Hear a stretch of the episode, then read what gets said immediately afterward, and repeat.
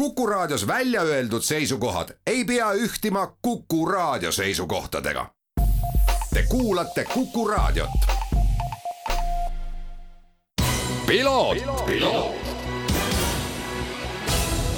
tervist, head Kuku raadio kuulajad, eetris saade Piloot ja stuudios saatejuht Margus Kiiver nädalavahetusel toimunud vormel üks Austraalia GP oli selline, mis pakub ilmselt kõneainet veel pikemaks ajaks. Kolm punast lippu ja sõidu jooksul kolm korda startimist stardiruudustikust on rekordiline tulemus.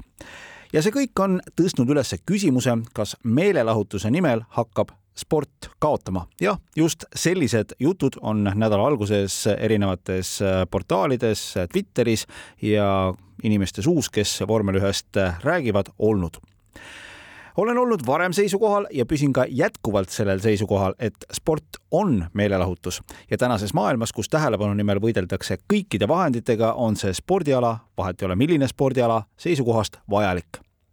See aga ei muuda fakti, et alati jääb alles kaks osapoolt, sport oma reeglitega ja meelelahutus ning nende osa, kahe osapoole edukas balansseerimine on justkui slackliner Jaan Roose etteaste jälgimine.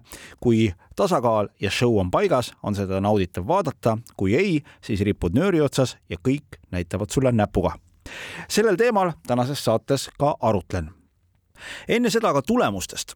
kuigi Red Bulli värvides äh, kihutav valitsev maailmameister ja MM-sarja liider Max Verstappen andis äh, parimalt kohalt startides ära kaks kohta, siis äh, seda Mercedese pilootidele George Russellile ja Lewis Hamiltonile, siis peagi loksus kõik tema vaatest paika ning sealt edasi oli Max Verstappeni võit juba puhtalt vormistamise küsimus tipus on üksi igav ja nii öeldi ka ühes rahvusvahelises podcastis, et nii sõites võib lausa roolis magama jääda ja võib-olla seda isegi kinnitas fakt, et äh, Max Verstappen ühe pidurdamise pikaks lasi. tõsi, tiimisides ütles ta, et äh, tema esimesed pidurid kipuvad endiselt äh, lukku minema see on aga selge, et Red Bulli selle aasta auto võimekus on muljetavaldav ja ma olen päris kindel, et Verstappen ei pidanud masinast veel päris kõike välja pigistama, ta kontrollis sõitu nii nagu tahtis ja on keeruline uskuda, et keegi sellel aastal, eriti aasta esimeses pooles, nii talle kui Red Bulli tehnikale vastu saab Mercedese imeilusast algusest jäi alles pool, kui George Russell pidi mootorirekke tõttu raja äärde jääma. Lewis Hamilton noppis teise koha, edestades kolmandat korda sellel aastal poodiumile tõusnud Aston Martini sõitjat Fernando Alonsot, kes teeb tõepoolest oma unelmate hooaega. Ferrari jaoks oli nädalavahetus õudusunenägu, praeguse seisuga null punkti. Charles Leclerc katkestas sõiduvea tõttu kohe alguses, Carlos Sainz põrkas kolmandas restardis või siis taasstardis kokku Fernando Alonsoga, mille peale Alonso tegi spinni ning Sainzile kukkus viis sekundit karistus kuna aga tuldi veel korra pärast seda starti, siis sai Alonso ikkagi oma poodiumi kätte ning suures pundis üle lõpujoone tulemise järel tähendas algselt neljandal kohal olnud Sainzi ajakaristus seda, et ta kukkus punktidelt välja ning kuulame Carlos Sainzi enda emotsioone sõidujärgselt. no sorry, right now I cannot talk, I am too angry, too disappointed to ah, I just cannot cannot say anything. I prefer to go to Stewards, uh, get the penalty away because I don't think I deserve it and it's the most unfair penalty I've seen in my life. nii ta siis rääkis, rahul asjaga ei olnud ning ütles, et kõige tobedam karistus, mida ta üldse elu jooksul on saanud ja lubas ka kohtunikega sellel teemal rääkima minna, aga sellel hetkel, kui ma siin esmaspäeval saadet salvestan, pole selles osas muutusi olnud Austraalia GP oli ka FIA F3 sarja etapiks, kus siis Preema meeskonnas sõidab Paul Aron. laupäeval peetud sprindisõidus tegi Aron väga hea esituse ning võitles kohtade pärast äh, päris tublisti. finišijoonel oli ta neljas, aga hiljem, kui konkurent sai karistuse, tõusis ta esimest korda sellel hooajal poodiumile. tõsi küll, reaalselt poodiumile tal asja ei olnud, sest karistuse info tuli juba peale seda, kui sõitjad olid poodiumil ära käinud, igal juhul kolmas koht oli käes pühapäeval sõidetud põhisõidu lõpetas ta seitsmendal kohal ja taas tegid kohtunikud pärast äh, sõitu paberi peal tööd ning äh, Aron kerkis jälle koha võrra kõrgemale kuuendaks. Äh, seda siis tänu sellele, et üks konkurentidest sai taaskord ajakaristuse ning peale kahte sõidetud etappi on Paul Aron F3 sarjas seitsmendal positsioonil. Aga nüüd siis tänase saate põhiteema juurde. punased lipud ehk siis võistluse peatamine peale rajal toimunud õnnetusi. nagu öeldud, oli Austraalias neid kokku kolm ja usun, et ega tegelikult nendest võib-olla nii palju ei olekski räägitud, kui oleks äh, sõidu lõppfaasis toimunud äh, suuri avariisid. aga räägime kõigest järje, järgemööda esimene punane lipp tuli siis suhteliselt alguses, kui Williamsi piloot Alex Albon, kes muide tegi väga head võistlust, rajalt välja sõitis ning tõmbas selle väljasõidu järgselt raja ühes kiires kurvis kruusa täis alati võib vaielda, kas oleks saanud äh, nii raja puhastamist kui ka Alex Albani auto äraviimist korraldada nii, et turvaauto on rajal või mitte. Näiteks David Coulthard ja Jason Button, F1 sõitjad, kes siis ka võistlust äh, ühes telekanalis kommenteerisid, ütlesid, et äh, selle jaoks nüüd küll poleks olnud vaja võistlust peatada, selle kõigega oleks saanud hakkama ka siis, kui turvaauto oleks rajal olnud ja noh, see lõppkruusast, see oleks lihtsalt niimoodi sõidujoonest välja sõidetud. nii rääkisid siis sõitjad ise aga see oli võistluste juhi otsus ja lõppkokkuvõttes sai siin lisaks Albonile kõige valusamalt pihta George Russell, kes oli just hetk varem käinud boksis, et rehve vahetada. Mercedes jagas siis taktika kahe sõitja vahel erinevalt kui aga kõik punase lipu lehvi, lehvimise järel boksi teele keerasid, said nad reeglite kohaselt ka oma rehvid ära vahetada ning see tähendas seda, et keegi kuhugile ei kukkunud ja said siis nii-öelda tasuta rehvivahetuse, kui nii võib öelda. tõsi, George Russell tõe huvides saab öelda, hiljem ka katkestas teinekord, kui punased lipud lehvisid, oli neli ringi enne lõppu, kui Kevin Magnussen toetas oma Haasi vormeli tagaotsa liialt äh, kõvasti vastu rajapiirete, mille tulemusel suutis ta lõhkuda oma vormeli tagavedrustust ning lisaks veel ka siis rehvi välja pealt maha sõita. taas punane lepp ja autod boksi teele tagasi.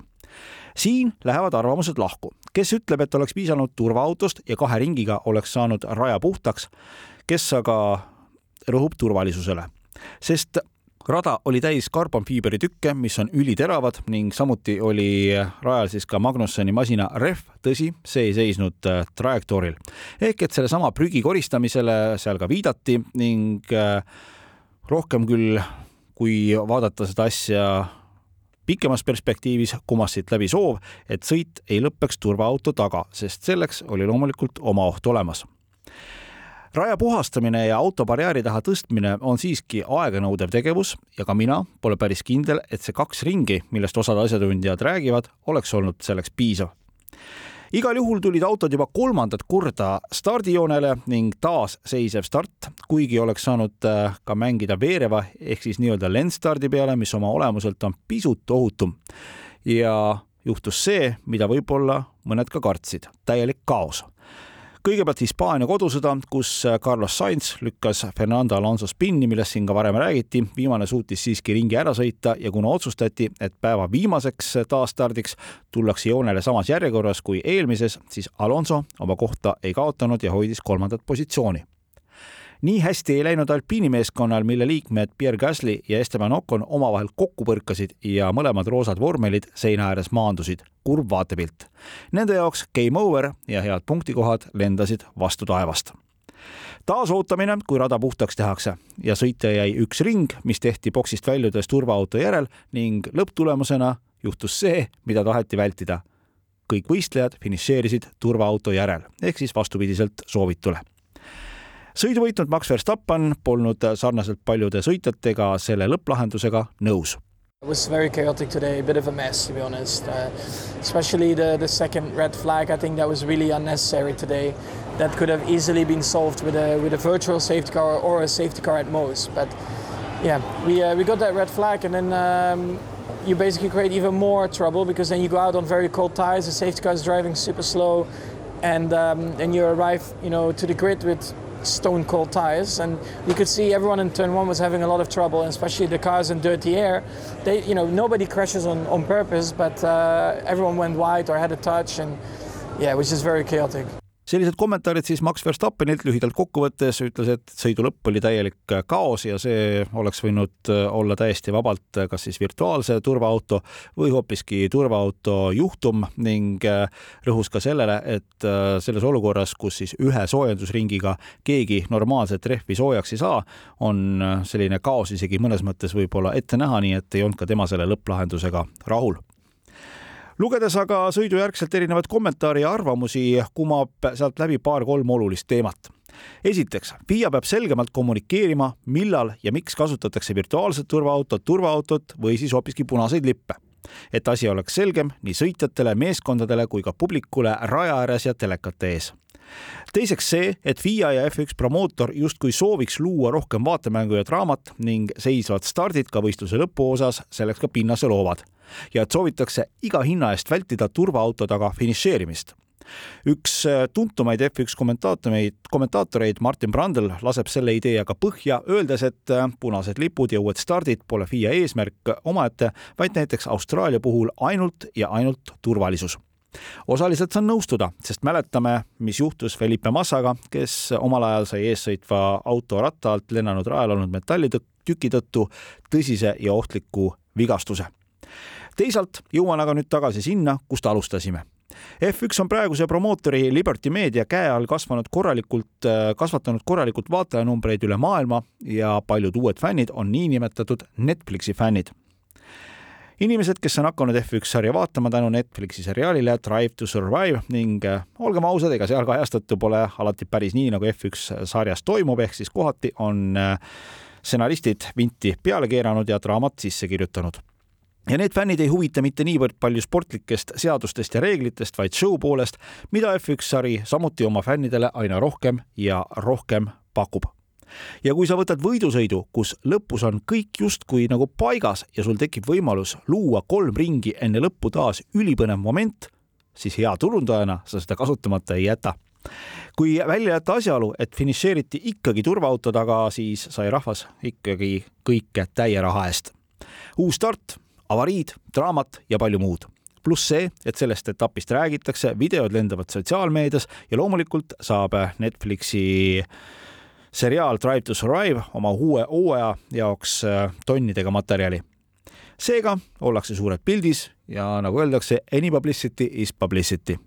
kuid sellel kõigil on oma hind, kui sõitjad ja meeskonnad hakkavad pead tõstma, sest see show iga hinna eest suhtumine ei pruugi kõigile sobida, lisaks veel ohutuse ning hinnalipikute teema. seega F1 ja FIA peavad leidma tasakaalu, kuidas jätkuvalt tõsta sarja populaarsust, vältides selle naeruvääristamist.